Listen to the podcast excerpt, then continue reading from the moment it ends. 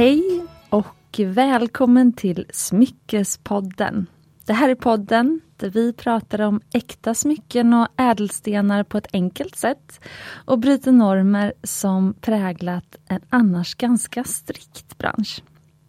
Idag har jag två speciella gäster i studion som jag bjudit in för att jag känner att jag tror att det är många där ute som kanske har samma tankar som jag. Det är nämligen det här med naturen. Jag älskar ju äkta smycken och många av er som lyssnar älskar också äkta smycken. Och det som är med just äkta smycken är ju att de kommer av material som kommer direkt från naturen. Jag brukar ju säga att eh, ädelstenar är naturens hårda blommor. De har mycket gemensamt med blommor, de har lika mycket färger och de har vuxit. Stenar har vuxit lite längre än vad blommor har gjort, ofta. Så när jag dök på de här två tjejerna i en artikel så kände jag att det här måste jag sprida till världen. Och eftersom Smyckespodden nu har vuxit och blivit ganska stort, vi har blivit en ganska stor community, vilket jag tycker är superkul, så kände jag att de här tjejerna ska komma hit. Och det ville de. Så jag säger välkommen till Sofia och Raisa som driver Livfulla trädgårdar. Mm. Tack så mycket! Tack, tack, tack! Berätta innan vi går in på vad ni gör, kan inte ni berätta om er relation till smycken? Ja, eh, jag kan börja då. Mm. Jag älskar smycken. och det är Sofia. Det är Sofia, mm. precis. Eh, sen så har jag alldeles för små smycken egentligen om man tänker på hur mycket jag tycker om dem.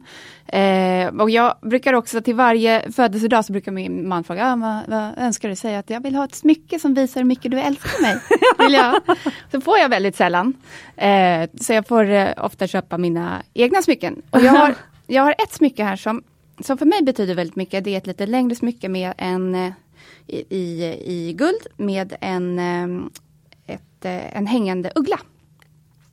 Och där köpte jag också eh, och en del av priset gick till Naturskyddsföreningen för deras arbete med att eh, skydda då utrotningshotade djur. Men den här har jag alltid på mig när jag ska göra någonting som jag tycker känns lite pirrigt eller där jag känner mig lite extra utmanande. så.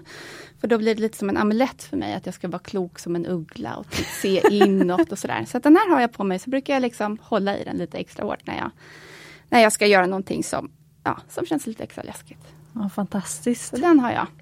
Du sa att du hade för små smycken, du menar att du hade för få? För eller? få, absolut ja. för få. Ja. De kanske också är för små kanske? Då. Ja, ja det är, vissa smycken har ju blivit för få efter diverse graviditeter och så, så fingrarna blir lite större. Ja. ja, härligt.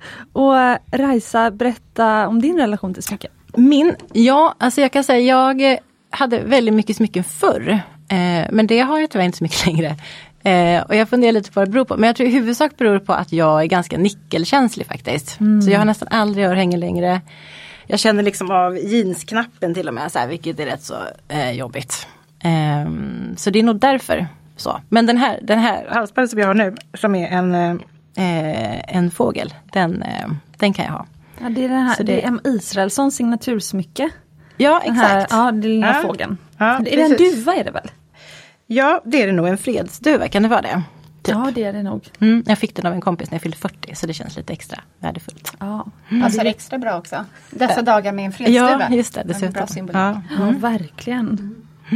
Ja, men berätta. Ni driver ett företag som heter Livfulla trädgårdar. Och vad, vad är det ni gör? Ja, men eh, alltså vårt vår målsättning är egentligen ganska enkel. Den är att vi vill nå ut till alla egentligen. Varenda liten täppa, stor som liten i hela Sverige. Mm. I landet och i, staden. Och då har ju det liksom väglett oss eh, egentligen ganska så enkelt. Eh, att nå ut brett egentligen. Så det första vi gjorde var att vi tog fram de här eh, designpaketen till blomsterrabatter. Mm. Som vi säljer över hela Sverige. Eh, och sen har vi även sålt, sålt lokalt eh, blomsterrabatter som har levererats hem till kunder i Stockholmsområdet. Eh, det har vi lite paus i just nu. Eh, och sen har vi även haft digitala trädgårdskonsultationer så vi har nått ut till hela landet. Så vi försöker liksom också nå ut brett. För ofta som trädgårdsföretag så blir man ganska lokal. Så. Eh, men sen gör vi även trädgårdsdesigner eh, lokalt där vi kan komma åt rent fysiskt och komma och hälsa på. Ehm, och sen har vi ett andra ben också som vi står på nu och det är att vi jobbar mot eh, företag och fastighetsbolag. Så vi jobbar mot eh, ja, ett framförallt i Stockholm. Eh, och gör innergårdar, tak, eh, balkonger och så också. Det har jag sett på Instagram. Jag tycker ni lägger ut så roligt där. För ni har lagt ut skisser så får man som följare liksom rösta i kommentarsfältet på mm. om man ska, om det här fastighetsbolaget ska välja eh, skiss 1 eller skiss 2. Ah. Och sådär. Så det tycker jag är väldigt kul. Ja, Men ja. jag känner att ni gör det som, det som jag försöker göra i smyckesbranschen det här att bidra liksom till en hållbar produktion och kvalitet och så vidare. Eh, men ni gör det med trädgårdar. Ja. För så som jag har ju läst på om all, allt om er i princip för att jag blev så, så taggad när jag hittade er. Och det som, var, det som fastnade för mig var ju det här att ni, ni vill utnyttja, alltså det finns över två miljoner trädgårdar och mm. ännu fler om man räknar in balkonger i Sverige. Och om alla de skulle jobba med biologisk mångfald, vilket i princip är att vi, det enda vi behöver göra är att plantera blommor och buskar och träd. Mm. Så kommer liksom livet i Sverige, alltså djurlivet, eller mikro, jag vet inte vad det kallas, men det här det kommer bli mycket bättre. Mm. Och det tycker jag är så otroligt fint och jag tror att det är väldigt många som kanske är intresserade av ja, kvalitet, liksom, vad det än är, om det är inredning, smycken, kläder, alltså då är man intresserad också av liksom, hur kan man skapa liksom, kvalitet i naturen omkring en. Mm. Precis. Ja.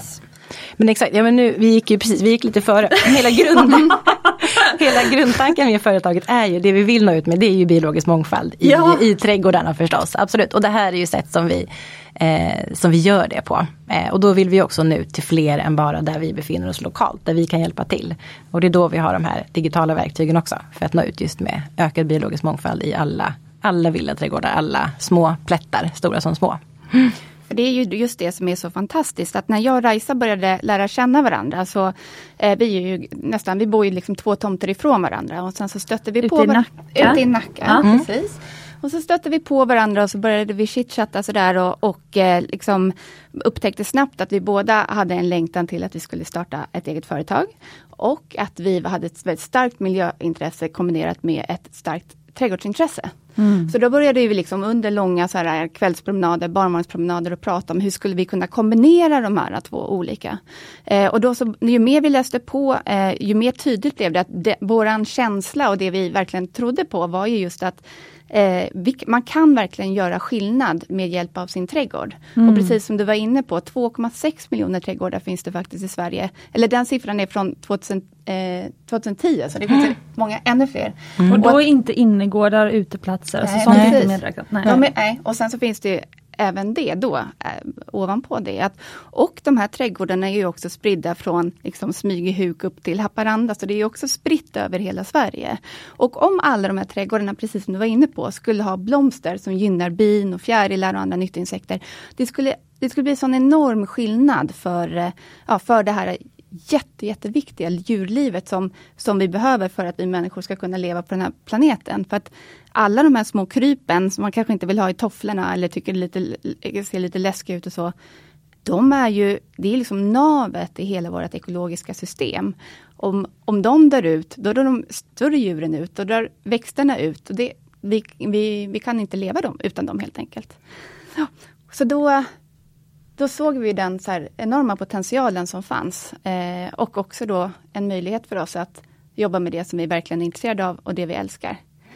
För det är också det som är med, alltså med att göra, skapa en mångfaldsträdgård. Det finns verkligen ingen motsats i att eh, man behöver inte göra avkall på någonting vackert eller på, på något sätt, på designen eller så, utan det går ju verkligen hand i hand. En mångfaldsträdgård är frodig, blommig, mysig, härlig, harmonisk och livfull. För det är därför jag har döpt det här avsnittet till Hur smyckar du din trädgård? Mm. Mm. För att det fina, i alla fall vad jag har förstått från er, är att ju vackrare trädgård du har, ju mer hälsosam för miljön och djurlivet är den. Exakt. Hur går det ihop? Vi brukar ha som en, en målbild om man tänker sig de eh, lite vildare torparträdgårdarna exempelvis. Eh, det kan man ju se framför sig, eller en romantisk liksom, mormors trädgård. Så.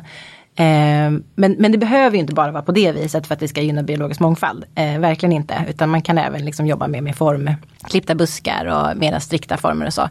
Men, eh, men, men grunden är ju ändå att man ska jobba med, med växter och eh, liksom smycka sin trädgård med växter och på så vis eh, designa den helt enkelt. Eh, istället för att använda sig av hårda material eh, i, i jättestor utsträckning. Ehm, så det, det blir ju, jag ska säga att sam, sammantaget så blir det ju en eh, ja, en härligare, livfullare trädgård helt enkelt. Och just genom att använda det använder vi, pratar vi jättemycket om att istället för att eh, använda hårdgjorda ytor eller för att eh, hårt byggnadsmaterial är så att vi hela tiden använder växter för att skapa väggar, för att skapa trädgårdsrum. Att man tänker att en, en, en trädkrona blir ett tak till exempel och att hela tiden använda, ja, använda de gröna växterna eh, för att eh, designa och bygga en trädgård. Och också det här att eh, i en, i en, också en typisk mångfaldsträdgård så finns det ju det finns en variation. Variation är A och O i mångfaldsträdgård. Att det finns många olika typer av växter som blommar från tidig vår till sen höst. Så man alltid har liksom en blommande trädgård. Bara det är ju väldigt vackert. Mm. Eh, att det finns olika just den här variationen, olika former på träden, olika, former, olika typer av vux, buskar, olika sorter. Att det liksom hela tiden eh, finns kontraster i trädgården. Eh, och det är ju de kontrasterna och de olika typerna av blommorna som ser olika ut, som passar till olika insekters munnar till exempel, eh, som tillsammans skapar den här eh, härliga helheten. Mm. Alltså. Ja, och så ska man även tänka när man designar en rabatt exempelvis, att man jobbar med eh, med blommor som kontrasterar. Så att där, där går det ju hand i hand, eh, det vackra och eh, det bivänliga. Mm. För om det sitter nu förhoppningsvis sitter väldigt många lyssnare nu och känner så här, gud vad jag blev inspirerad. Jag kanske inte eh, tänkt på dem i de här banorna innan. Man kanske har en balkong men den är mest till för kanske en grill och en liten, eh, en liten eh, matplats kanske. Eh, och så har man en trädgård. Man kanske som jag är, är nybliven trädgårdsägare och vill eh, liksom lära sig allt. Alltså om man nu sitter med någon form av yta utomhus som man, som man blir inspirerad att göra någonting med. Vad är liksom första steget? Hur ska man gå tillväga? Att börja. Ja. ja. Nej men eh, faktiskt, alltså jag tror man ska, man, om man är helt ny så, så det viktigaste är nog egentligen bara våga komma igång. Eh, man kan inte lära sig allting på en gång, utan man får liksom börja med, med ett steg i taget. Eh, så, som är det mesta förstås. Eh, och sen så brukar vi ju ofta prata om så här att, att ett enkelt sätt att komma igång, det är exempelvis att plantera en buske om du har en trädgård som är ganska kal. Eh, det är ju ett lätt sätt att få någonting att hända. Liksom. Det blir ganska stor effekt av en buske ändå. Den växer ganska lätt och den är ganska tacksam också och, och klarar sig. Eh, oftast eh, eh lätt. Så, eh, och har man planterat sin första buske på ett ställe där man liksom, ja ah, men här, här vill jag ha en buske. Då ganska naturligt så, så, så kan det ge sig med tiden. Och så kanske man, ja men plantera en till buske här och en till här och så, där, så att man hela tiden liksom eh, ja, kommer framåt i sitt, eh, sitt tänkande och man, man känner av liksom vad man, eh, ja, hur man vill ha det. Men där tänker jag också att det är viktigt, som jag gjorde, eh, jag har ju gjort typ alla nybörjarmisstag som man kan göra. Mm. Innan jag började plugga det här ordentligt och lära mig ordentligt. Och då åkte jag och så köpte jag någon buske, till exempel eller perenn eller vad det nu kan vara, som jag tyckte var väldigt snygga. Och sen så planterade jag dem. Och sen så kanske det var helt fel eh, plats för den här perennen eller busken. Så, så att de inte överlevde eller de växte aldrig till sig eller vad det nu kan vara. Vilket också gör att man blir ganska trött och det kostar ganska mycket pengar. Mm. Så att där är det också så här, vad är det, tänker precis det som Raisa sa, att bara så börja. Men så här, okej, okay, hur ser den här platsen ut? Är det jättemycket vind på den här platsen? Eller är det en skuggig plats? Eller det lyser solen hela dagarna? Eller är det nat- alltså sådär. Och sen så tar du med dig de parametrarna och åker till plantskolan och säger så här, så här ser den här platsen ut. Det här är förutsättningarna. Vad kan jag, vad ska planteras här? För då blir det också mycket större chans att man faktiskt lyckas, för det blir snyggt och det känns kul. Så, så att man eh, gör inte samma sak som, som jag gjorde. Mm. Mm. Vem är er typiska kund undrar jag? För att ni, som sagt, ni designar ju både eh, alltså hela rabatter åt privatkunder. Eh, men sen så har ni också de här eh, företagen som ni säljer till. Men om man tänker privatkunder, vilka är det som kommer till er? Vem är er typiska kund? Det blir ju faktiskt mer och mer, vilket är väldigt roligt, för vi har hållit på i drygt tre år, är det va? Ja, ja nästan fyra nu snart. Eh, att eh, i början så ville folk, sökte sig folk till oss för att de ville ha hjälp och designa sin trädgård. Nu söker sig våra kunder till oss för att de vill ha hjälp att designa en biträdgård. Så det Oj. är liksom, ja, Mm. så det, det, vi har verkligen märkt att dels att intresset för biologisk mångfald har ju liksom ökat både liksom politiskt och även bland företag men även privatpersoner jätte- jättemycket bara under den här tiden som vi har varit igång. Men att de också verkligen, eh, ja, våran typiska kund är någon som vill ha eh, en trädgård, som är- en, en, en person som är medveten och som, som vill bidra till mångfaldsstacken genom att ha en trädgård som inte bara är liksom en gräsmatta och en altan utan en frodig trädgård som gynnar eh, den biologiska mångfalden. Men jag skulle säga också att det är tack vare er fantastiska marknadsföring. För jag hade en, eh, eller vi här i podden, hade en eh, affärscoach som lyssnarna ställde frågor till. Mm. Här om avsnittet. Jag har inte riktigt bestämt vilken ordning jag ska släppa våra avsnitt men det, hon var här innan ni var här, nu idag. Ehm, och eh, då var det många som undrade hur hittar man sin liksom, drömkund och sådär. Och hur når man ut och hur får man fart på försäljning och sådär. Och där tycker jag verkligen att ni har gjort ett fantastiskt jobb, alltså att ni har synts i tidningar och så vidare. Och, och, när man går in på er hemsida så det går inte att missa det här, ert mission, hur ni startade den här varma sommaren 2018 och sen så att ni liksom började brinna för det här med liksom, ja men Livfulla trädgårdar som sagt, som är, ett, liksom, som är namnet på företaget. Så ni har ju verk- och, och det kanske gjort att ni fått den här drömkunden som är liksom, jag vill, jag vill ha en mångfaldsträdgård, hur får jag den? Kan ni hjälpa mig med det? Så det är ju antagligen tack vare er egen liksom, fantastiska marknadsföring, Mm. skulle nog jag säga. Mm, tack, vad roligt. Ja, så det är ändå inspiration till smyckesentreprenörerna där Ja. ute också. Ja. Nej, men där är det ju att ju mer, alltså man får nästan så här skrika tills man är trött på sig själv eller liksom Ja. upprepa, Mm. upprepa, upprepa tills man inte orkar höra det en enda gång till. Då börjar den liksom nå ut där ute, Mm. då märker man att man får en respons. Så det där är ju, man ska inte vara rädd för att känna sig tjatig. Och, Nej, och upprepa har samma vi känt oss ganska tjatiga. Utan det, Ja. ja. Men hur går ni tillväga då? Det är roligt att höra ert arbetssätt då. Eh, och så kanske man kan inspireras där hemma utifrån ert arbetssätt. Så om ni då får en, en typisk kund, är det en villa i, vad, vart, vart, vart kan den ligga den här villan? Som- Nacka, Ja, i. Nacka, Mm. en villa i Nacka, en granne till er kanske? Ja, kan det vara. Ja. hur, hur, vad, är, vad är stegen då för att hjälpa den här personen? Eh, ja men det vi gör är ju att när kunden då kontaktar oss och vill ha en, en, bi, en biträdgård. Så åker vi dit och så börjar vi alltid med ett hembesök. Det är ju jätteviktigt så man får känna in, dels se trädgården hur det ser ut men också känna in omgivningen, känna in kunden. Se liksom vad finns det fina siktlinjer, vad, finns det någon utsikt, finns det någonting som vi behöver eh, sätta upp ett insynsskydd från eh, som man inte vill se. Luktar det illa någonstans? Ska vi ha någon dassros här? Och, ja. Herregud, nu går det snabbt. Ja, förlåt. Men man går dit och, man går Känner dit av. och känner in platsen helt enkelt. Och kunden pratar alltså. med kunden. Mm. Ja.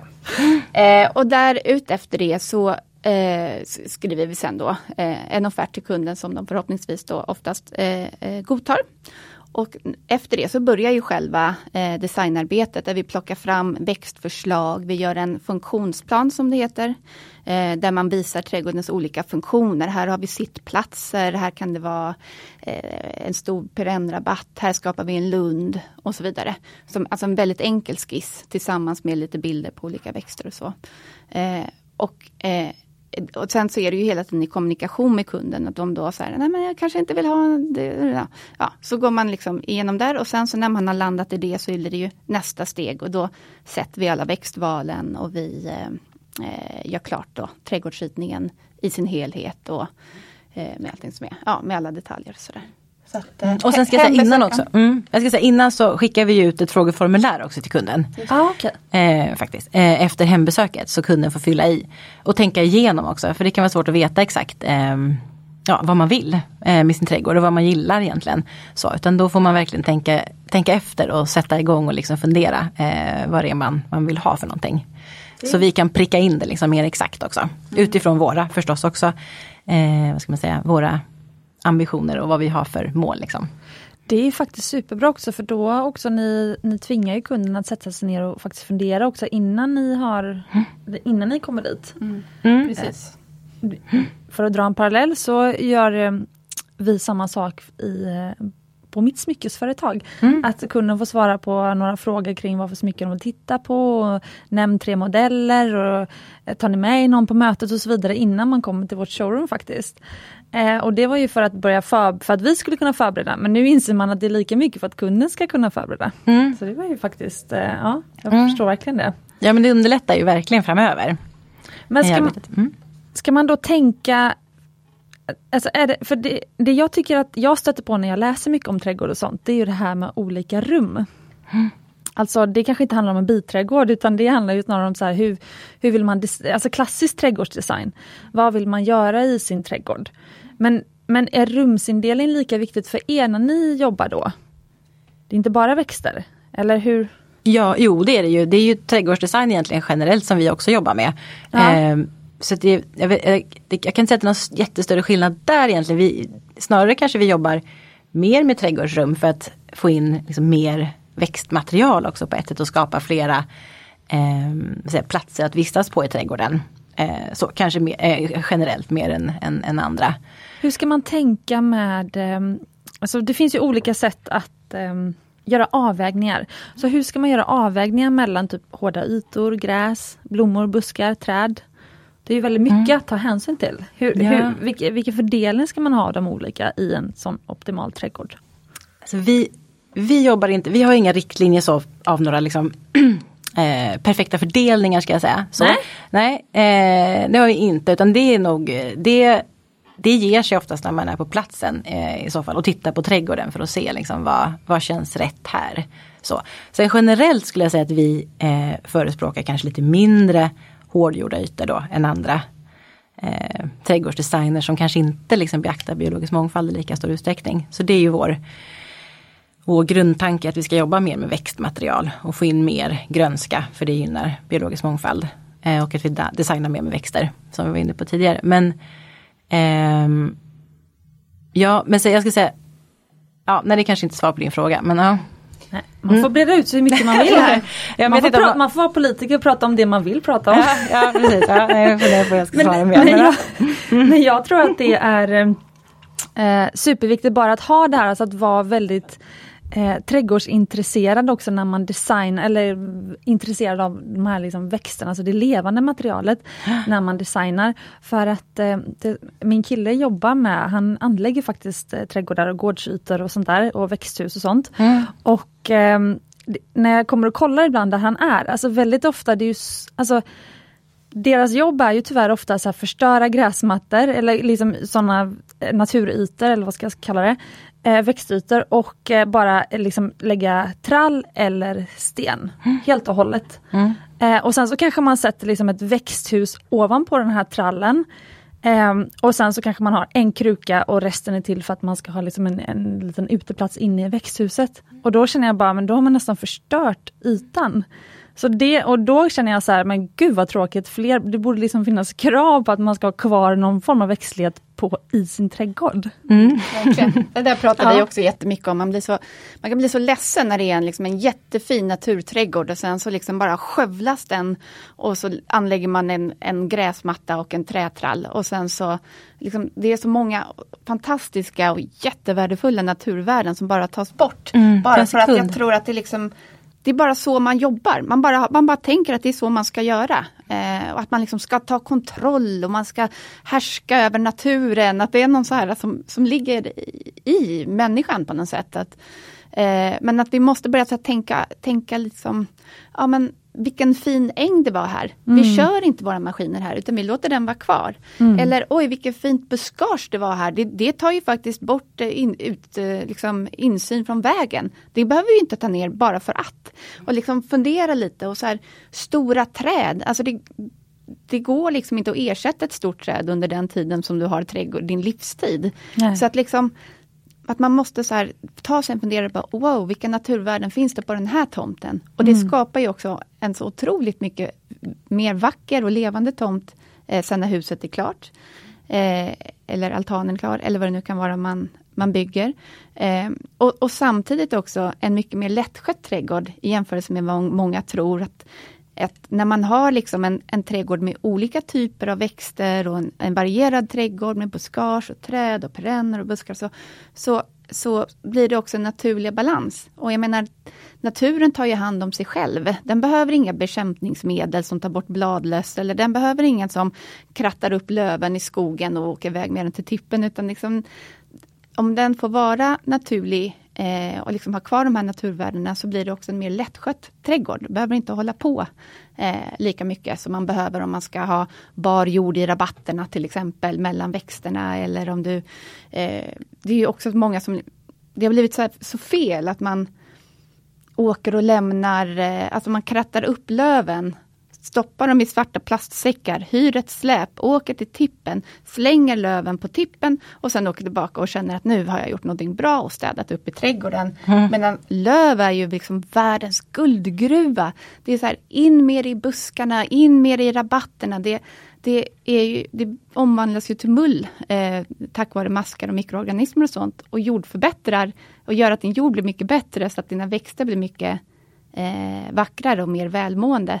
Eh, och liksom att, att tänka att man ska använda det organiska material som finns i trädgården istället för att man ska städa undan och ta bort det och sen så åka iväg till plantagen eller vad man nu åker och köpa barkmull eller jordförbättring på våren. Så bara använd det som finns istället. Vi har ju, det har liksom blivit lite skevt hela tänket kring trädgårdar eh, och natur. Mm. Generellt sett skulle jag säga. Mm. Att vi, vi ska städa ur för mycket och vi ska bort med allting som är naturligt. Mm. Istället för att liksom nu, nu babblar jag på här, men det här går jag Ja, på. det är jätteintressant. Mm. Men istället för att liksom se som sagt vad som finns i på trädgården och, och skapa din trädgård utifrån det. Vad finns? Ja, men det finns det där vackra buskaget, men då kanske vi ska skapa en liten uteplats där. Eller det finns det de här underbara träden, då hänger vi upp en hängmatta och sätter ett litet bord här och så kan vi ligga och eh, titta upp liksom på solstrålarna som strilar ner genom löven. Hur mysigt är inte det? Och så vidare. Mm. Så att eh, Ja, det finns, eh, det finns eh, mycket mer efter, det krävs mycket, mycket mer eftertanke skulle jag säga. När man ska in och röja runt i en trädgård. Vare sig om det är att man ska bygga ut eller bygga ett växthus eller bygga ett nytt hus och så. Mm. Ja, och, det, och, när vi eh, får våra trädgårdsprojekt så kan det se väldigt olika ut också. Alltså vissa är ju kanske inte ens har ett hus på platsen än. Mm -hmm. eh, och det kan ju nästan vara det, det, bästa att komma in redan så tidigt. Eh, så den lyxen har vi ju ibland och då eh, eh, då kan man ju vara med att liksom styra också. Att, man, att man inte tar ner alla träd exempelvis. definitivt inte. Och att man tar tillvara på sprängstenen exempelvis och kan göra kallmurade murar det är så vackert. Mm. Det är det man drömmer om, att hitta någon sån gammal stenröse där man bara kan gå och plocka sten. Mm. Och där trivs ju också jättemånga olika salamandlar och spindlar och det är värsta superbostadshuset för dem. En sån här liten mur som kan vara en jättevacker installation i trädgården eller som en gräns eller mm. sådär. Ja men precis, och att man kanske gräver upp ett buskage som finns där som redan eh, har växt till sig och är liksom frodigt och sparar det. Så kan man flytta det till ett annat ställe istället. Eh, Eh, och så. Eh, men sen kan vi komma in också i en trädgård som har liksom helt jämnats i marken som bara är en gräsmatta. Då får man ju börja från början istället. Eh, mm. Och då börjar man ju med träd. Ja, det, det, det, det första man gör är ju då förstås att börja tänka på träd och buskar för att få stommen i den här trädgården. Så det är det som eh, det är det man kanske lätt glömmer bort. Man tar ner ett träd, det går väldigt snabbt. Eh, så. Men i själva verket så tar det ju jättelång tid att få upp ett, ett nytt liknande. Och för att få höjd på trädgårdarna, vilket ju är väldigt viktigt för att skapa en härlig trädgård. Mm. Okej, okay, det här var ju spännande. Jag tänkte mig att man kanske börjar med att plantera de här blommorna i rabatten. Men mm. det gör man alltså inte då? Nej. Nej. Utan det, det, är ju det är kanske det man vill. Och bara, oh, det blir, så, det blir liksom kanske det som blir finast och, och snabbast resultat. Men att man ska ju verkligen tänka att börja med det som tar längst tid. Och det är ju träd och buskar, för de tar ju längst tid att växa till sig. Så att om du ska satsa på något år ett, att bygga en trädgård är ju också ett livsprojekt. Man kan ju också se det som det, det behöver inte vara klart på liksom två veckor utan Säsong ett så börja med att sätta upp eh, stommen i din trädgård, alltså träd och buskar. Och så, och så får du vara nöjd med det. Och sen så år två så kan man ju börja med rabatter eller bygga en damm eller vad det nu är man vill göra. Men, att, eh, men träd och buskar är verkligen det man börjar med. Och år ett kanske till och med går ut på att egentligen bara känna efter vad, liksom, vad har jag i min trädgård om man är mm. helt nyinflyttad. Eh, och känna av var man sitter, var solen faller in, var man liksom naturligt går i trädgården. Och, ja, och så vidare. Hur vågar man släppa lös sin kreativitet? Alltså det känns ju som att man behöver kunna så mycket om trädgård för att liksom våga, och så är det här, många tycker att de inte ens kan hålla liv i en krukväxt liksom. Hur ska man då våga liksom börja pilla i en trädgård? Är det inte bättre att bara ha gräsmatta över alltihop? Eh, träd känns ju ganska rimligt i och för sig, för de verkar ju klara sig utan vattning. Men liksom, hur vågar man liksom börja känna sig kreativ och fri i sin trädgård? Att liksom åka till plantskolor, eller alltså typ plantagen och sådana. Eh, kanske Rosendal och sånt här i Stockholm. Eh, men liksom, hur, hur, hur, hur börjar man bli liksom, ja, våga vara kreativ i sin trädgård? Jag kan bara utgå från mig själv egentligen, tror jag. Där. Ja. Eh, nej men jag tror det är lite samma vi var inne på tidigare, alltså att våga egentligen. Eh, våga ta det där steget och inte vara rädd för att misslyckas heller kanske egentligen. Eh, så, och sen får man ju förstås eh, fundera igenom vilket läge det är, så här, för ge, dem, ge växterna den bästa förutsättningen och inte plantera något som dör nästa år. Eh, så, och, och händer det så är inte det hela världen heller. Nej, alltså, vad dör nästa år? Det vill jag inte plantera. nej, nej men, det, de, men de misstagen eh, kommer man säkert att göra. Men det, eh, det kan man ju försöka undvika förstås. Eh, så. Men, mm. Det som är så fint med trädgård också är ju att den är så förlåtande. Mm. Så du får ju en ny chans varje vår. Mm. Och det, det är ju eh, ganska skönt. Så det kan man ju ha med sig. Men sen så ett tips är ju också att om man inte vill lägga pengar på att ta in en trädgårdsarkitekt så kan man ju lägga några eh, tusenlappar på att eh, ta en trädgårdskonsultation. Då kommer, antingen kan man göra det digitalt eller att det kommer en, en trädgårdsdesigner hem till dig och så går ni igenom trädgården. Och då kan ni också få eh, liksom idéer vart man ska plantera de här buskagen, vad det passar med ett trädgårdsrum till exempel, vilka, vilka plantor som skulle passa i, i rabatten och så. Så får man liksom som en liten nybörjarguide att utgå ifrån och då kan man också känna, då, då känns det ofta också ja, men lite enklare, lite mindre läskigt, lite tryggare och eh, ja, en bra grund att utgå ifrån. För det kan ju, det kan ju kännas jätte, jättesvårt om man har bara en, en stor trädgård. Va, va, vad ska jag börja? Hur ska jag göra? Uh, men att också tänka att så här, det här är min plats. Ja. Här, får jag, här får jag experimentera och vara kreativ och här får jag göra det som, som jag tycker är vackert. Så att liksom släppa de här kraven på att det ska bli perfekt. För att vem bryr sig? Det måste också få vara liksom den platsen som är alltså för rekreation och återhämtning och för att släppa den här prestigen kanske som man kanske har på jobbet och så vidare. Och så bara få bara ner med händerna i myllan och, eh, och pröva. Mm. Men just att liksom, som sagt, vi varit inne på redan innan att eh, fundera lite. Vad, är det torrt? Är det blåsigt? Är det soligt? Är det skuggigt? Och så. Och sen så fråga, fråga, fråga på plantskolorna. Och, så att du kommer hem med, med rätt växter. Jag fick också tipset om att prata med grannar. Mm. Jag tänkte, så, ja. som har bott där länge. Ja, och fråga vad trivs i er trädgård? Mm. Och så precis, och man kan ju del, precis, jag tänkte, man kan ju dela växter också med varandra. Ja, eh, så behöver det inte kännas lika eh, illa om man åker och köper något som, som man sen misslyckas med. Eh, det kan ju verkligen vara ett, ett sätt. Och ett jättebra sätt att lära känna sina grannar också. Men mm. hur lär man sig, om man tänker att man eh, har eh, tagit död på sina krukväxter hemma och känner jag har inga gröna fingrar. Vilket jag inte tror på, utan jag tänker att eh, man kan skapa sig gröna fingrar och lära sig läsa växterna. Hur Håller ni med om det? För ja, först? ja, absolut. Ja. Mm. hur, hur, hur lär man sig då liksom läsa växterna och hur, hur lär man sig förstå deras behov som man, liksom, men typ vatten kanske är det som man eh, har svårast för. Det, så. Man övervattnar eller undervattnar. Alltså, vilka, vad liksom, hur kan man lära känna växterna på ett bra sätt? Eller har ni något tips för det? Svårt. Oh, svårt. Ja. Nu när man vet. Men Hur lärde tänk... ni er? Ja, det, alltså det är en kombination av att vi har gått eh, utbildningar förstås. Och testat oss fram, eh, tänker jag.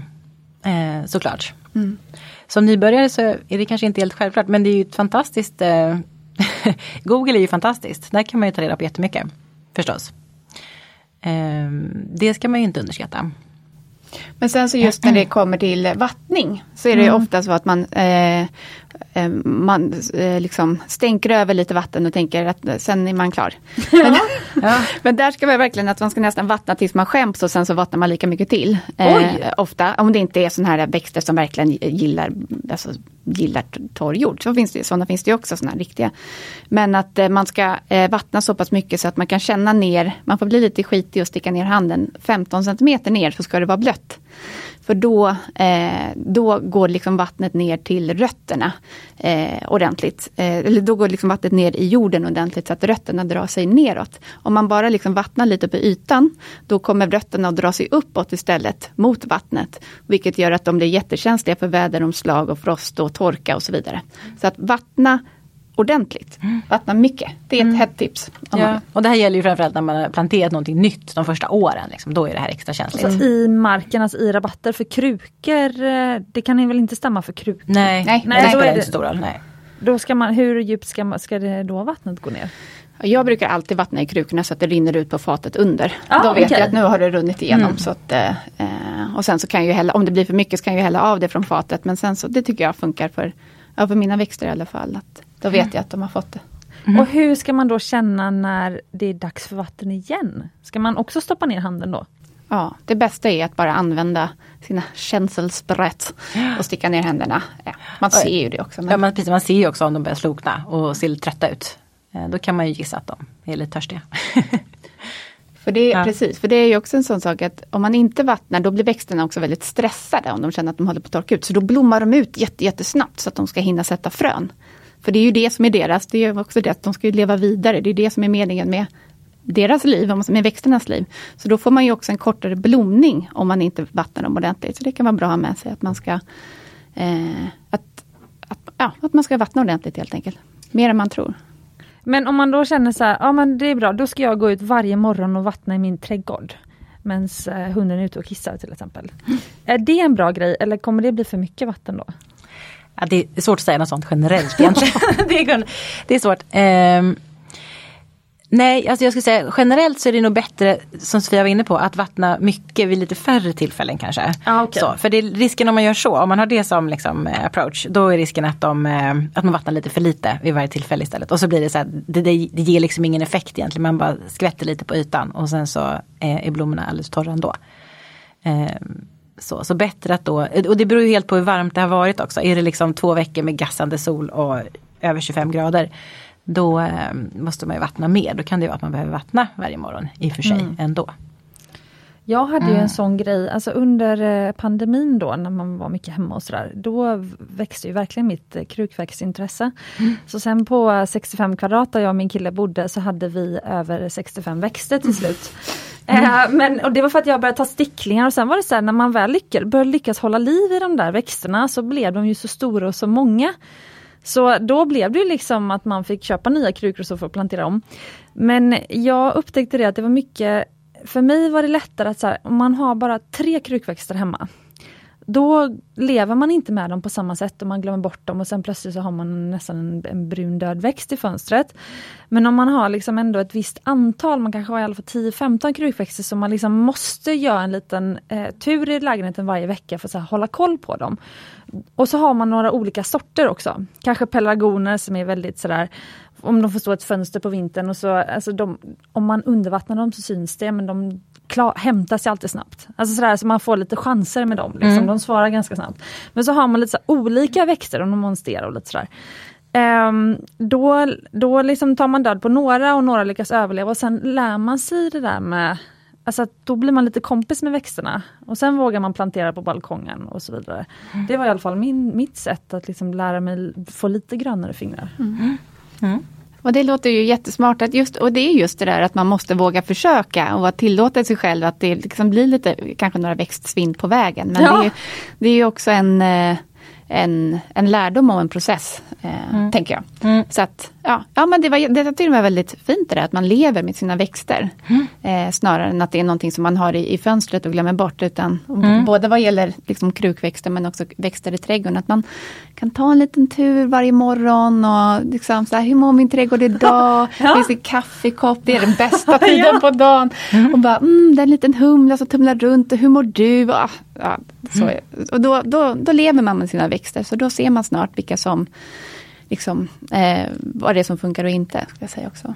Precis. Och sen så ska jag tillägga också förstås så ska man ju försöka plantera eh, rätt växter på rätt plats. Så att man inte behöver egentligen vattna dem. Eh, alltså det behövs ju vatten i en trädgård förstås. Ja. Och man kan samla upp det från taket exempelvis vilket är fantastiskt. Eh, och på olika sätt liksom, eh, lösa vattenfrågan på ett, ett miljösmart sätt. Så. Eh, och sen är det ju också eh, förstås jätteviktigt att tänka, är det här en jättesolig plats? Då planterar man ju blommor som klarar mycket sol eh, och som inte behöver så mycket vatten. Annars så får man ju ett evigt jobb med att liksom vattna eh, blommor som torkar ut väldigt, väldigt snabbt. Så när det blir varmt. Så att, och det är ju sånt man, det är sånt man lär sig.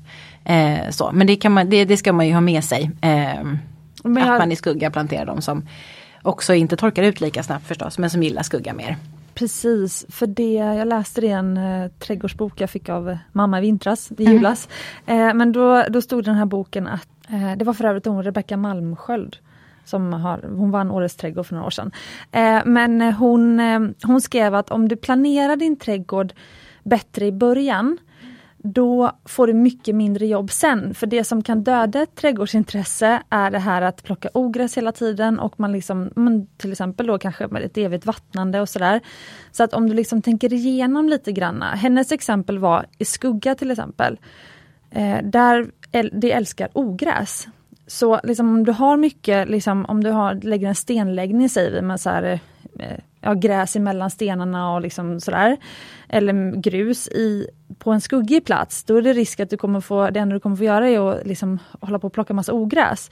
Så där kanske du då ska, om du går mycket där, om till exempel din entré ligger på en skuggig plats, så lägg då liksom, gör den där stenläggningen där och sen kan du ha grus eller liksom mer gräsgångar och sånt på soliga ytorna där det inte blir så mycket ogräs för där växer liksom eh, ja, men gräs istället till exempel. Eh, sådär, så Mm. det var ju på ditt, ditt spår. Mm, ja men absolut. Ehm, exakt, och det är väl där man, om man tar in någon extern också, trädgårdsdesigner så, så kan man ju få en förstås också en, ehm, en bra grundplanerad trädgård. Precis. Men, men det innebär ju inte att man inte kan eh, börja själv förstås och testa sig fram också. Men ni säger ju det i, i, eh, i liksom era, era liksom kanaler. ehm, att en häl- tecknen på en hälsosam trädgård är när det är mycket djurliv. Så man vill ju ha då till exempel de här bin och humlorna som man inte vill ha i kaffekoppen men man vill ha dem i sin trädgård. Och fjärilar och sådär. Eh, hur ska man liksom, hur, alltså hur många olika växter behöver man ha för att liksom attrahera de där humlorna då? Alltså finns det någon liksom minimiantal, minst eh, fem olika blommor på eh, en viss yta eller liksom något sånt där. Hur, hur skapar man den där mångfaldsträdgård i det lilla om man ska börja litet? Mm. Eh, men snarare ska man tänka att man har blommor som blommar, alltså att det är någonting som blommar hela tiden. Ja okej. Ja, att det blommar tidigt är jätteviktigt för då vaknar de liksom eh, första insekterna, humledrottningen och sådär. Är det i Kommer- april eller när tidigt? Ja, ja precis. Ja, ska jag säga ungefär april ja. Ja. Mm, här i alla fall. I Stockholm? Eh, ja, precis Stockholm. Ja. Ehm, och då är det jätteviktigt att de får mat för att överleva förstås. Ehm, så. Eh, och sen att det är någonting som blommar eh, ända till eh, hösten och eh, till att eh, det blir kallt igen, tills att alla insekterna går och lägger sig. Så, så, det, så det är väl det som är kanske viktigast att tänka. Då behöver det inte vara blommor, det kan ju vara träd förstås. Träd ger ju jättemycket pollen och nektar. Eh, det får man inte glömma bort. Det är svårt att ersätta eh, en sälj, alltså, eller ett, ett stort träd med, eh, med en rabatt faktiskt. Rabatten kan man ju eh, ha flera sorter som blommar vid, vid olika tidpunkter förstås. Men träd och buskar också ger ju jättemycket pollen och nektar. Så någonting som överlappar hela tiden. Men det, jag skulle också tillägga där att ju fler växter desto bättre. Att jag har inte hört att det finns liksom ett antal. så man kan bara tänka att ju fler olika växter desto bättre. Just för att eh, hum, vissa humlor har en lång tunga som de sticker in i växten för att ta ut nektaren med. Och i de växterna så kommer inte vi, vi eh, liksom humlor utan den här långa tungan, de kommer inte åt den nektaren.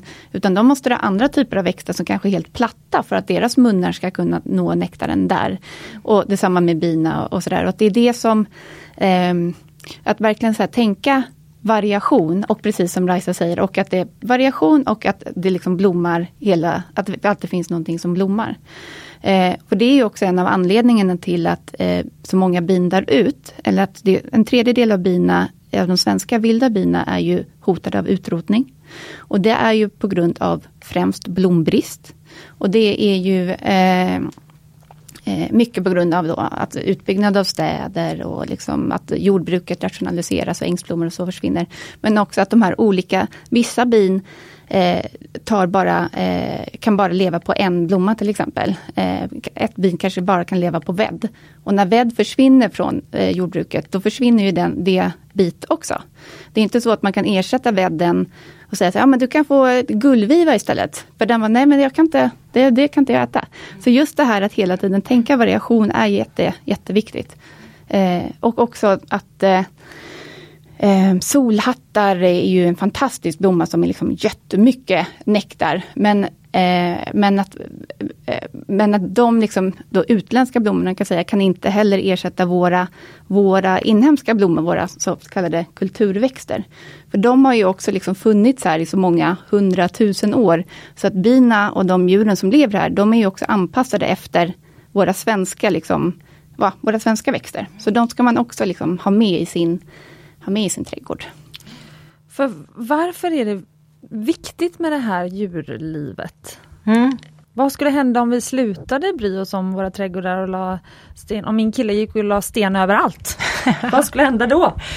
Vi skulle inte ha någon mat på tallriken. Nej, Nej berätta Nej. om det kretsloppet. Ja, Nej, men det kan jag göra. Alltså, just som vi pratade om innan, att just de, små, de här små illbattingarna är ju liksom otroligt viktiga för att Eh, dels så en tredjedel av, eller var tredje tugga som vi äter, det är ju ett direkt resultat av pollinerarnas arbete till exempel.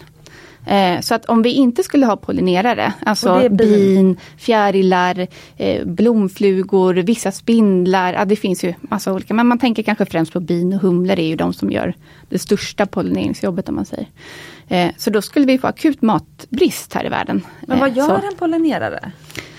Eh, den eh, åker, en, eh, ett bi då som, eh, det de gör egentligen det är att de åker från blomma till blomma och letar efter eh, mat. Alltså pollen eller nektar. Pollen det är oftast till deras små bibebisar som de samlar. Vissa bin har så här små väskor på benen där de så skrapar ner så sitt pollen och så flyger de vidare till nästa. Så man kan se att de har som en kappsäck. Så, Gulligt. Ja, det är jättegulligt. Eh, och ehm, Ja, det är helt enkelt deras jakt på mat. Och när de eh, tumlar från en blomma till en annan så kommer ju det här pollenet som är alltså som, ja, men som spermier, då, du vet, blommor och bin.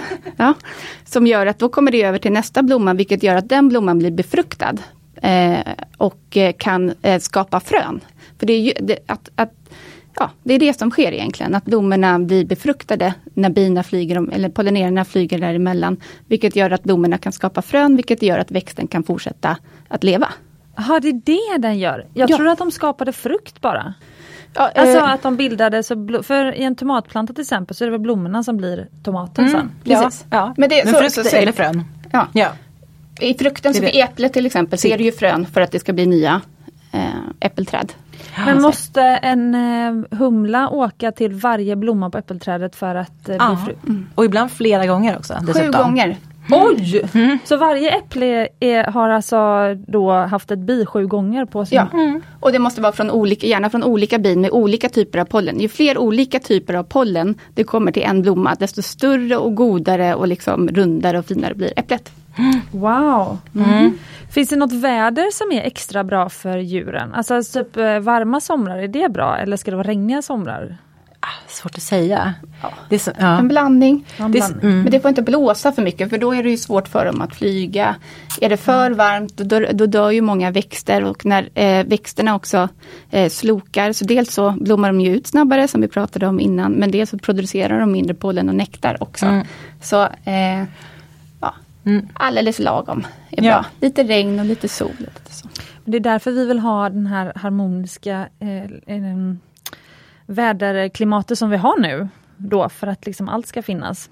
Men mm. inte alltid det ska blåsa eller Men också, jag tänker mer konkret i din trädgård vad, vad det innebär om du har mycket djurliv. Ja, det är en bra fråga också. Ja, precis. Ja, men dels mat, men det är ju på ett bredare plan egentligen också. Och allt annat, eh, alla andra ekosystemtjänster som vi får eh, därigenom. Men i din trädgård så, eh, så får du ju också förstås mer frukt och bär, eh, om du har det. Men sen så, eh, så, så bidrar ju även insekterna med massa små saker i din trädgård som du kanske inte känner till. Som ett, ett konkret exempel kan ju vara exempelvis nyckelpigor som äter bladlöss.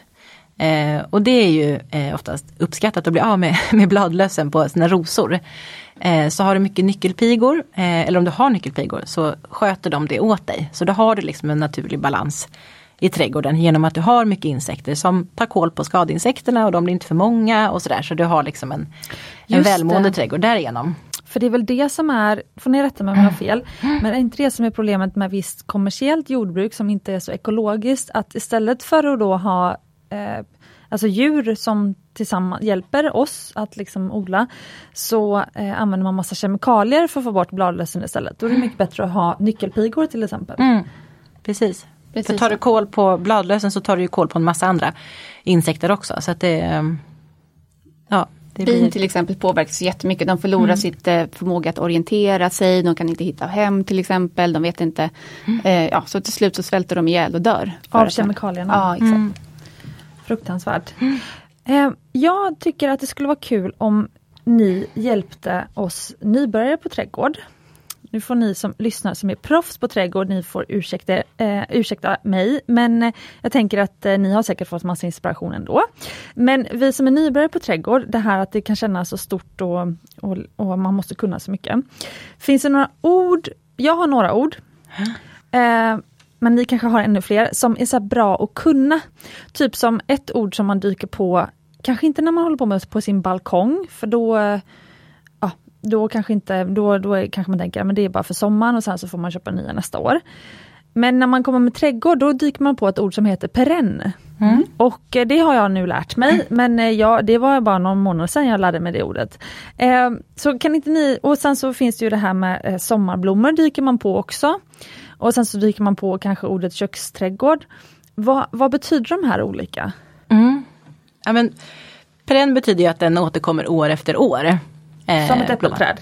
Ja, precis. Ja, att den, du, du kan plantera den och sen så får du njuta av den liksom, eh, resten av ja, så många år som den klarar sig helt enkelt. Eh, så.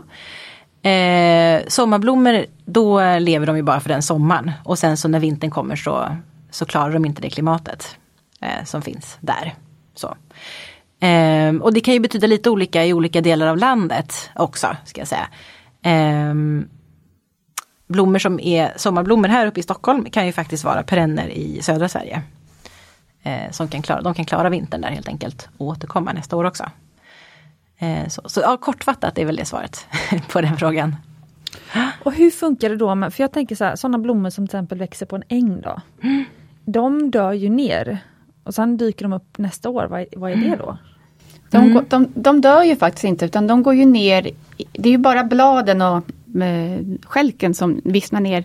Men de är ju i allra högsta grad levande i roten. Så att de, eh, de ligger bara och vilar, så det ser dött och, och, och eh, trist ut. Men det är bara en blomma som vilar och återhämtar sig inför nästa år. Sen sätter de ju frö och kan sprida sig så också förstås och komma Ja. tillbaka på det sättet. också. Och då vilar fröna i marken. Precis, då vilar de eh, över vintern. Och sen så kommer de igen på våren och gror. Och köksträdgård, vad är det? Mm-hmm. Ja, alltså det är ju någonting som blir allt mer populärt eh, och inte minst eh, under pandemin när vi liksom börjar förstå vilket beroende vi har till omvärlden och sådär och man vill liksom odla mer hemma. Och att en köksträdgård det kan ju vara en liten plätt i trädgården där man har lite olika lådor när man odlar eh, Ja, odla lite olika grönsaker. Eh, det, eller om det är, det kan ju också vara, det kan vara allt från en liten, liten till en, till en jättestor köksträdgård. Så man kan vara nästan självförsörjande på grönsaker. Till att bara vara några lådor. Mm. Kryddor och grönsaker, morötter. Och finns det något av det här som ni, som ni tycker är, om man ska börja med någonting, ska man börja med det här eller ska man ha allt i sin trädgård? Alltså hur ska man välja vad man ska satsa på? Ja, alltså ehm, vi brukar ju eh, prata om örter. De är ju ganska lätta och tacksamma. Mm. Eh, faktiskt, och det kan ju vara ett bra, en bra start. Eh, timjan och basilika som i och för sig inte kommer tillbaka år efter år. Men de, är ju, de klarar sig, de mår ju gott hela sommaren. Så, eh, så det, är ju, eh, det är ju ett enkelt sätt att komma igång. Och kryddor är ju ofta rätt trevliga att ha också. Man kan ha i, eh, i sommarsalladen eller i, i såserna till eh, köttet som man har grillat eller vad som helst. Så, så det är ett enkelt sätt och det kan man ju ha i en pallkrage också. Det är lätt att, lätt att förbereda och rätt att plantera. Mm. Och, ja, då, då, det var i köksträdgården tänkte du? Ja precis, ja, men nu, ja. ja om det var det du tänkte. Eh, ja, nej. nej. jag insåg att jag formulerade om frågan. Jag tänkte ja. på om man ska, det här med perenn sommarblommor eller liksom ätbart. Eh, vad, ska man ha allt i sin trädgård eller ska man liksom välja, räcker det att ha till exempel då perenner, alltså buskar och träd till exempel? Eller liksom vad, finns det någonting där som liksom gynnar en mångfaldsträdgård eller liksom kan man välja det man tycker är roligast bara? Alltså välj det du tycker är roligast skulle jag säga. För det är också det som, det ska ju också vara en eh, det ska ju också vara härligt och kul och, eh, eh att ha en mångfaldsträdgård. Och, men, men man kan ju plantera några träd så behöver du inte göra så mycket med dem. De, de står ju bara där och sköter sig mest själva. Och sen så om du vill ha, tycker att det är härligt och roligt och kreativt och, och hålla på med perenner och liksom nästan, man kan ju nästan som att man målar marken med olika perenner. Eh, till att om man gillar att laga mat och tycker att sånt är roligt, ja, då ska man ju satsa på det. Så jag tänker att gå efter din lusten. Jag tycker inte speciellt kul att odla grönsaker till exempel. Jag har bara mest perenner och träd och buskar.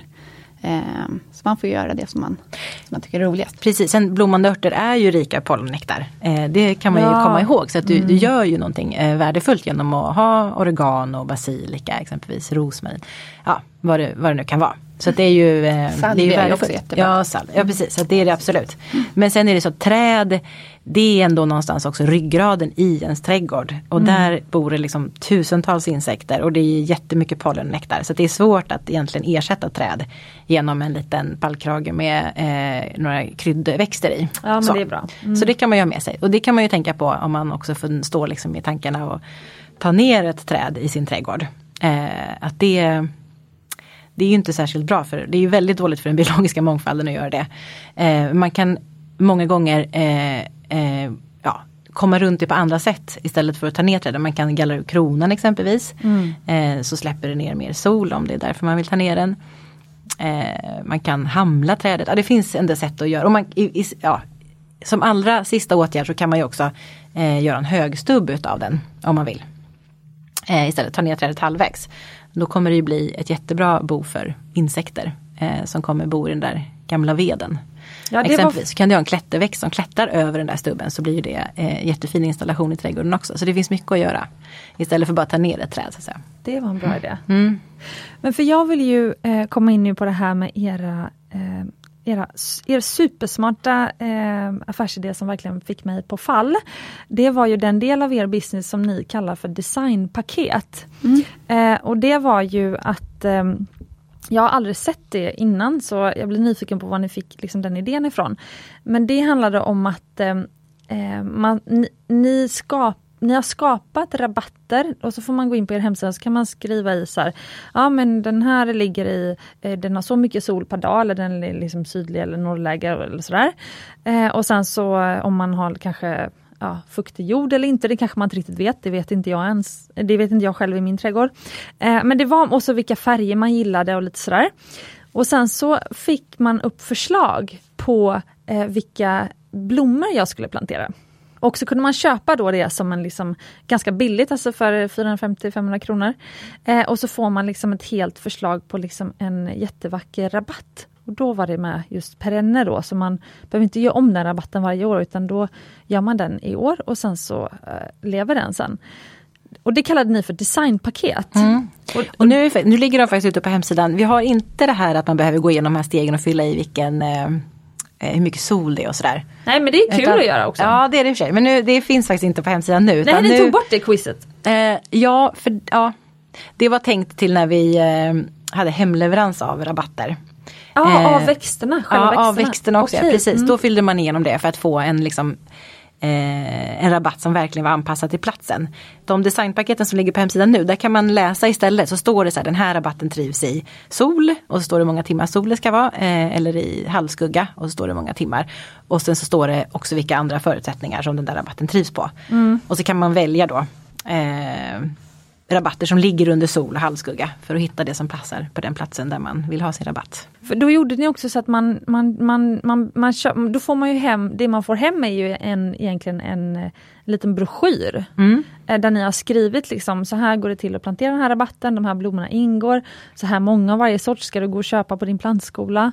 Eh, och så lite så tips om hur man planterar, hur man skapar den rabatten. Alltså världens bästa sån här how to-guide tyckte jag. Lite sån här kickstarta din eh, trädgård kändes det som. Mm. Mm. Var fick ni den idén ifrån? Det var just det här att så här, vi, som vi nämnde precis i början, att vårt mål är att varenda täppa i Sverige ska ha eh, blommor som gynnar biologisk mångfald. Och även fast vi jobbade dygnet runt och hade massa anställda så skulle vi inte kunna åka runt i Sveriges alla 2,6 miljoner trädgårdar. Och därför vill vi, har vi tagit fram de här designpaketen för att man ska kunna göra det själv helt enkelt. Eh, och att man ska kunna välja vilken design man, man tycker om och när man beställer hem designpaketet så vet man att de blommorna som ingår här de gynnar bin och fjärilar. Man vet att rabatten eh, blommar från tidig vår till sen höst och så vidare. Så det har vi liksom fixat. Och sen så är det väldigt mycket det här eh, i och med att också, i alla fall jag var, var nybörjare på trädgård för inte så himla länge sedan, så har jag ju verkligen eh, tyckt att det har varit ganska svårt många gånger för att det har blivit så det, när jag läste trädgårdsböcker och trädgårdstidningar så förutsatte det en viss kunsk, en grundkunskap som jag ibland kände att jag inte hade. Precis. Och det är ju det de här eh, designpaketen också syftar till, att liksom det ska vara väldigt pedagogiskt och väldigt, väldigt enkelt. Så att man verkligen ska förstå exakt hur man gör för att plantera sin eh, perennrabatt och hur man sen sköter den och sådär. Eh, så det är ju, ja, det är det som är tanken med den. Mm. Att det ska liksom få Sverige att blomma på ett, på ett enkelt och pedagogiskt sätt. Så att man också ska komma över den här lilla eh, pucken som kanske kan kännas när man liksom ska börja, så som jag pratade om, att man tycker att det känns svårt och så. För att det, det är inte så svårt. Nej, Precis. Och sen är ju också i designpaketen har vi ju förstås eh, bara använt oss av pollen och nektarrika eh, blommor. Men sen har vi ju även förstås gjort en, eh, en kombination av dem som är vacker. Så vi har ju tänkt att det ska vara en rabatt som håller hela säsongen och att blommorna kompletterar varandra och sådär så att det är en snygg komposition också. Vilket kan vara rätt svårt ibland eh, om man är nybörjare. Precis mm. så, mm. exakt så för att det känns ju Alltså det är så svårt att uh, få en idé, ja men den här växten blir så, så hög och den är rosa och sen så blir den, den är blå och den är låg och lalla. Så ni, men då, ni har ju lagt ofta, det blir att de långa blommorna kommer hamna långt bak i rabatten och så blir de lägre längre fram och sådär. Mm. Ja. Precis och det står också där, eh, vissa passar ju för att stå fritt och då står det. Eh, och då kan det vara så att det är höga i mitten istället för längst bak. Då, sådär. Mm. Finns det några så favoritrabatter bland dem, eh, bland dem som ni säljer? Ja, ja. jag tror jag har Drama Queen idag. Mm. För jag gillar namnet och jag har den själv också. Eh, och gillar den. Mm. Och hur ser den ut? Den är ju eh, det, det, är ganska mycket mörka blad i den i kombination med starka färger. Så den blir ganska eh, tuff liksom. Så. Och så trivs den eh, i mittemellanläge, inte för mycket sol, inte för mycket skugga. Eh, så. Ja, nej men den är läcker. Jag har verkligen eh, fått en så crush på mörka blad efter att jag planterade den kan jag säga. Det är väldigt vackert. Mörka blad, är de de mörkbruna eller mörkblå? Eller hur? Ja, det är höstsilveraxen brunett i den som gör att den får de här mörka bladen. Eh, och de kommer väldigt tidigt så de liksom fyller ut rabatten. Ah. Under hela sommaren. Men sen på hösten så, så sätter den spiror, vita höga spiror som doftar fantastiskt och står sen ända till vintern tar de. Eh, och de är jättenektarrika och superviktiga också för, för bin och fjärilar som är vakna lite senare. Så mm. det finns en poäng med att de är där. Men under sommaren så är de liksom mörka och fyller ut väldigt vackert. Och då är det de här knalliga färgerna istället i rabatten. Ja, vilka knallfärger är det då? Eh, då är det lila, det är steppsalvia, caradonnan och sen är det en stjärnflocka som är lite mer mörkrosa. Eh, och sen är det en pipört. För den här steppsalvian, är det salvia som är en krydda? Eller? Mm, nej, den går att äta men ah, det är inte okay. samma. Nej, det är nej, inte samma. Nej. nej, det här är mer en, det här är en perenn. Ah, en, okay. mm. Och du Sofia, har du någon favoritrabatt? Mm, jag satt och funderade. Jag gillar ju det här torpians, jag gillar mormors blomsterväv, men jag gillar också rabatten Sevilla, Sevilla som är en... eh, Ja. Den har jag köpt. Har du det? Ja, Ja. vad roligt. Jag ska stoppa en solig plats i min trädgård exakt. jag. Ja. Mm. Ja, Så den passar ju, den är ju lite medelhavsinspirerad men också med lite knalliga färger, och lite lavendel och lite eh, cerisrosa och lite silver och sådär. Så den, eh, ja, den gillar jag också. Och hur är Mm. blomsterväven?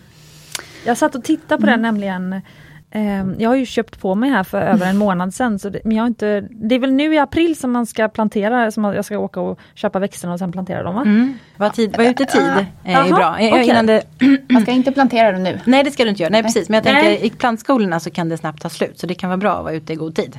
Ja, Eh, och vad är god tid då? Eh, ja, ja nej, men det är, när de, det är när det kommer till plantskola. Det är väl i slutet av april ungefär. Slutet av april? Ja, jag Det är så sent. Ja, ja eller alltså absolut. Alltså perenner ska du inte sätta ner i jorden förrän, här i, här i Stockholm i alla fall, förrän i mitten på maj. För att det Oj, finns fortfarande liksom risk för köldknäppar. Believe me, we Ja. done that.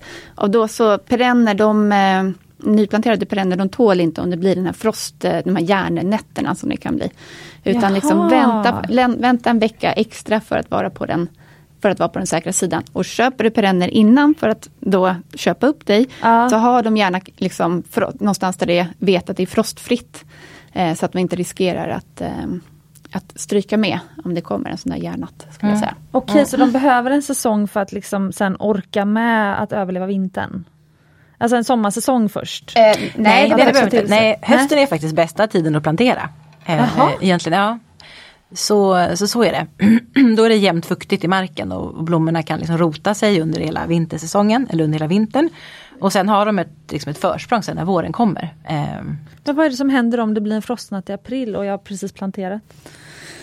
Eh, alltså de, här, när du planterar, eh, när, vi börjar så här, när du planterar dem på hösten, Jag säger att det är svårt med trädgård.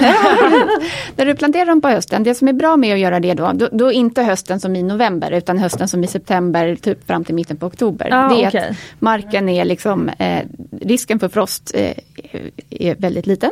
Ah, eh, okej. Marken är jämnt fuktig och du kan sätta ner plantorna i, i, och de kan rota sig i lugn och ro innan frosten kommer. Och när det är vår, då vill plantorna, då fokar de på att de ska blomma och sätta frön, som vi pratade om innan. Men när de har blommat ut på hösten, då fokuserar de istället på att de ska rota sig. så då så Ah, liksom, neråt liksom. neråt och då, så rot, då, då ligger liksom kraften på det. Så därför, sen så går de i vila över vintern och sen så liksom startar de upp och blommar igen. Eh, eh, och blommar på på våren. Mm. Så det bästa är att plantera på hösten.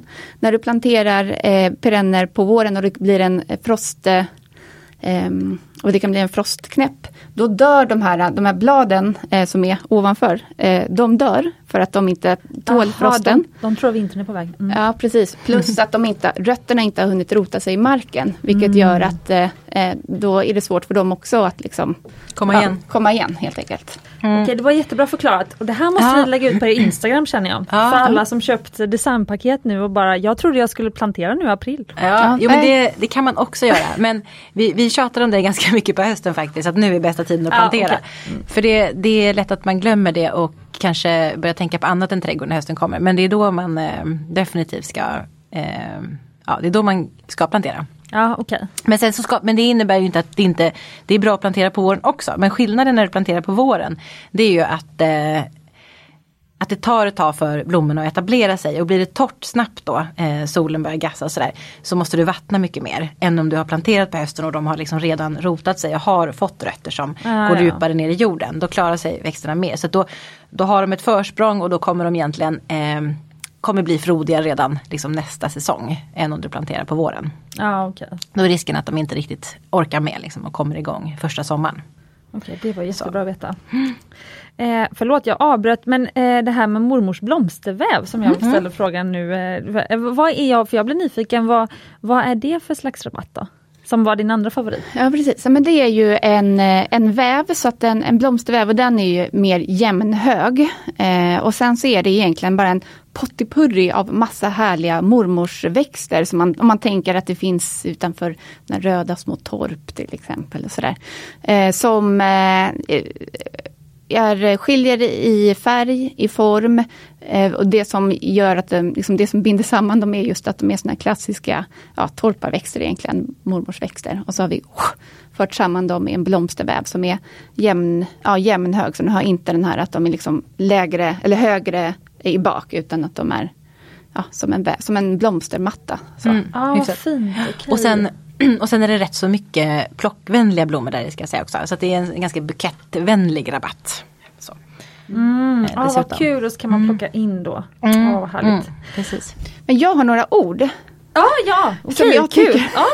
så jag tänker att vi ska ändå prata om. För att, ja, eh, jättebra. Eh, återigen, det är så bra att liksom ha börjat jobba med det här när man eh, var nybörjare för inte så länge sedan. För då, liksom kom då kommer man ihåg. Det är som när man tog körkort. Så, jag tog körkort väldigt sent.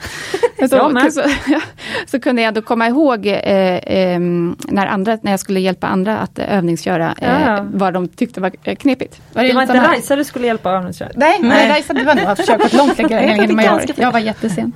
Ja. Ja. Nej men eh, några ord som jag tyckte var krångliga. Ja, kul. Ja, eh, sur jord och basisk jord. Oj, det lät krångligt. Ja. Mm. Mm. Sur, det finns ju ett, ett pH-värde. I jorden finns ett så kallat pH-värde. Och, eh, och om, det är, eh, om pH-värdet är mellan 6 och 7 så är det ett neutralt pH-värde. De allra flesta växter trivs där. Mm. Men sen så finns det ju, man brukar prata om surjordsväxter. Ja men det här är en surjordsväxt. Vad är det? Rhododendron. Rhododendron, Asså, hortensia, barrväxter. Sådana växter. Det är så typiska surjordsväxter. Hallon, syren är också det. Jag har sett massa rhododendron i Bromma. Ja. Mm. Kanske surjord där. Ja men det, det, ja, för det är där de trivs. Eh, och eh, då ehm, Eh, så att, så att, om det är en surjordsväxt så ska man plantera där det är surjord eller så får man köpa liksom rhododendronjord eller så som, är lite, som har lite surt pH-värde. Mm.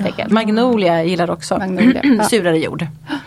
Hur vet man då om det är sur eller basisk? Eh, det står ju eh, när man köper växten. Eh, nej, det, nej. Eller för så det står när man köper huset. Ja. Jag tänkte Just det, ja, exakt. Ja, ska jag berätta det? Eller, ja. Nej men den allra, oftast är ju, alltså om, det är en van, om du har köpt ett hus och det bara är en vanlig trädgård, då kan, man, då kan du tänka att det är liksom en neutralt. Jaha, så, okay, det kan man utgå från. Men, okay. ja, precis. men om det är en stor talldunge till exempel, eller med mycket blåbärsris och så, där kan du tänka att ah, här är jorden sur. Mm. Så här passar det, här kan jag inte plantera växter som gillar kalk. Om du, om du planterar då eh, så här, surjordsväxter, eh, om du planterar växter som eh, är, alltså gillar basisk jord, alltså neutral jord eller som gillar kalk, som är motsatsen till surjord. Aha, okay. ja, om du planterar det i surjord, alltså nära tallar eller sådär, då så kan inte de ta upp näringen från jorden.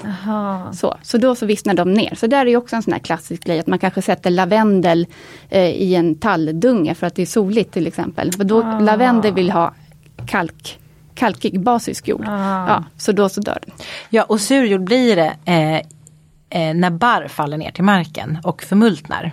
Eh, och även eklöv. Ek är också eh, sura. sura. Okej okay, men det var bra, så ja. ek och tall då kan, man, då kan man anta att det är sur jord i närheten? Ja precis. Det var jättebra. Mm. Ja.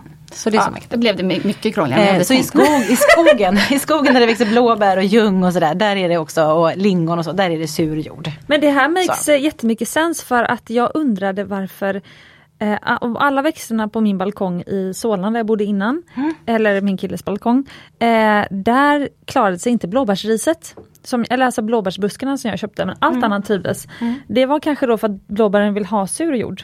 Ja, skulle Precis. du kanske blandat ut lite, eller skulle du blandat ut exempelvis rhododendronjord då? Ja, okej, okay, jättebra. Som är mm. sur. Mm. Mm.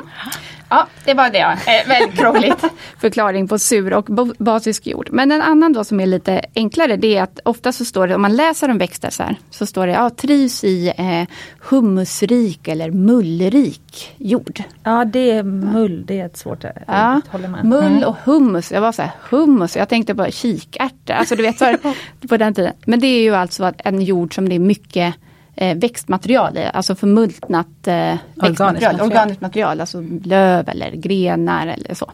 Så att eh, det, det, är en humusrik jord. Och det var det ni sa i början, man ska inte packa ner sina löv och åka till tippen? Nej, precis. För mm. typ alla växter vill väl ha mull, de här? Ja, ja de allra mm. flesta vill ju ha det. Ja. Ja men det är ett sätt att bygga din jord också i trädgården. Eh, annars, annars utarmar du jorden i din trädgård. Om du hela tiden plockar bort allt organiskt material så blir det bara mer och mer näringsfattigt och du, det, ja, saker och ting eh, blir mindre och mindre frodigt. Så, så att det, ja, det, det är så man gör med jord. Man tillför nytt organiskt material för att det hela tiden ska finnas liksom gott till växterna att eh, sätta i sig. Så då har man en eh, bösyta och så, eh, som inte syns från från den framsidan kanske.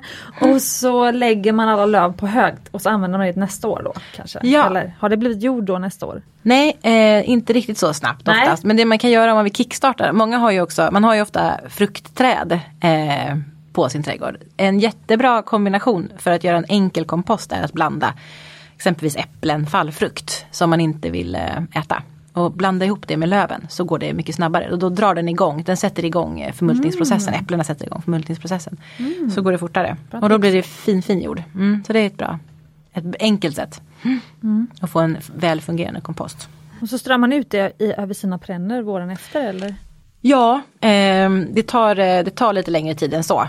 Men man kan ju ha sin yta där så kan man ju gräva ut det som ligger underst och fylla på med nytt, liksom vända på det där lite grann.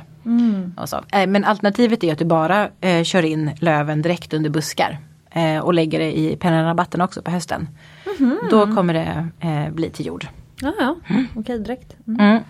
Absolut, ja, och det skyddar ju också växterna över vintern. Så det är, det är bara bra. Hade du fler svåra ord? Ja, men jag tycker jag blir så krånglig när jag ska förklara dem så jag vet inte om jag ska fortsätta. Vi ska börja avsluta snabbt. Men, vad, men det kanske är några spännande ord?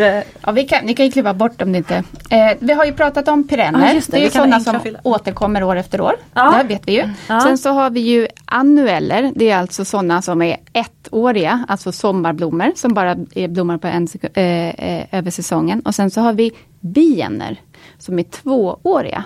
Så att det är växter som blommar i två år eh, och sen så försvinner de.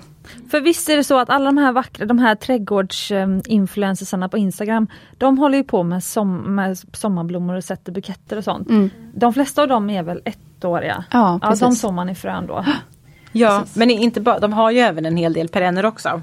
De jag följer i alla fall, mycket röllika har det ju varit. Eh, Ah, okej. Förra säsongen exempelvis. Och det är ju en, en perenn. Så att det är, jag skulle säga att de blandar ganska mycket ändå. Ja, okej.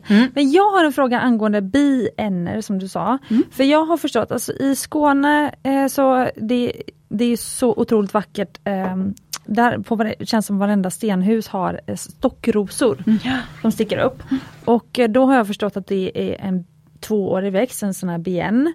Och så säger de så här, ja, första året så blommar den inte, andra året blommar det och sen så dör den. Men det kan väl inte vara så att alla husägare i Skåne sår nya stockrosor på samma plats varje år? Nej. De frösår ju sig hela tiden. Så det är liksom eh, de, ja, det kommer nya frön, det blir till en ny bladrosett år ett och sen så blir det till en blomma år två och sen så faller fröna ner och sen så fortsätter det sådär. Så liksom alternerar det hela tiden med varandra. Så det blir nästan som en perenn. Ja. Om man skulle Ja. ha en stockros i sin egen trädgård så skulle man inte behöva Nej. så nya frön. tiden. Nej, Exakt. Man upplever det mer som en perenn. Ah, okej. Det var bra, fick jag svar på den frågan. Mm. Nu har jag inga mer svåra ord. Men vi kanske, fyllda av enkla blommor, ska vi Ja, inte just det. Ja, nämna det det? kan vi Den tycker jag också. ändå är ganska bra. Ja, Ja, ska jag säga den? Ja. Ehm, ja, men fyllda och enkla blommor ehm, kan ju vara lite klurigt att veta skillnaden på. Ehm, och det eh, är ju även kopplat till biologisk mångfald därför att fyllda blommor eh, de eh, ger inte eh, pollen och nektar. De har liksom ingen, eh, ingen sån funktion kvar utan det är bara liksom kronblad hela vägen in i blomman. finns det något Om exempel? man tänker sig, ja men de tänker som en dahlia exempelvis. Där är Ja. det ganska konkret. De kan ju vara liksom väldigt maffiga och fantastiskt vackra. Ja. Men de är egentligen ganska värdelösa för bina fjärilarna har ingenting att äta där. Jaha okej, Mm. så då behöver man inte ha ångest om man missar Dahlia-tåget. Det här, herregud vad det verkar vara trendigt. Ja, ja men det är det. Eh, Precis. och- Men, men det fina är att det finns också dahlior som har okej. enkla eller mer eller mindre enkla blommor. Så. Och då kan man ju om man vill ha en dahlia men ändå gynna eh, bin och fjärilar så kan man ju satsa på en sån. De är också Ja. väldigt snygga men inte lika, de är inte lika stora liksom. Eh, Hur vet så. man vilken som är vilken då? Eh, ja men det, det ser man ju egentligen. Det är ju just när de har en sån här väldigt liksom en, en väldigt, ja men en fylld blomma så att du inte ser någon mitt på den. Då är den ju fylld så att säga. Och enkelt innebär att den bara har enkla kronblad. Eller kanske de kan ha några stycken så men att man ser att det finns en mitt i blomman. Eh, då är den enkel. För när de har tagit fram de här fyllda blommorna så har de ju förädlat enkla blommor. Jaha. Så att de har ersatt de här ståndarna och pistillerna där pollen eh, flyttas emellan. Då, då eh, så att det kan bli nya blommor. Eh, de, de har liksom förädlat så pass mycket så att de här eh, små spröten som är i mitten på blomman, de har försvunnit och ersatts av eh, kronblad istället. Så det blir väldigt snygga blommor. Men precis som Raisa sa, de blir helt värdelösa för att de eh, ger ingen nektar eller pollen.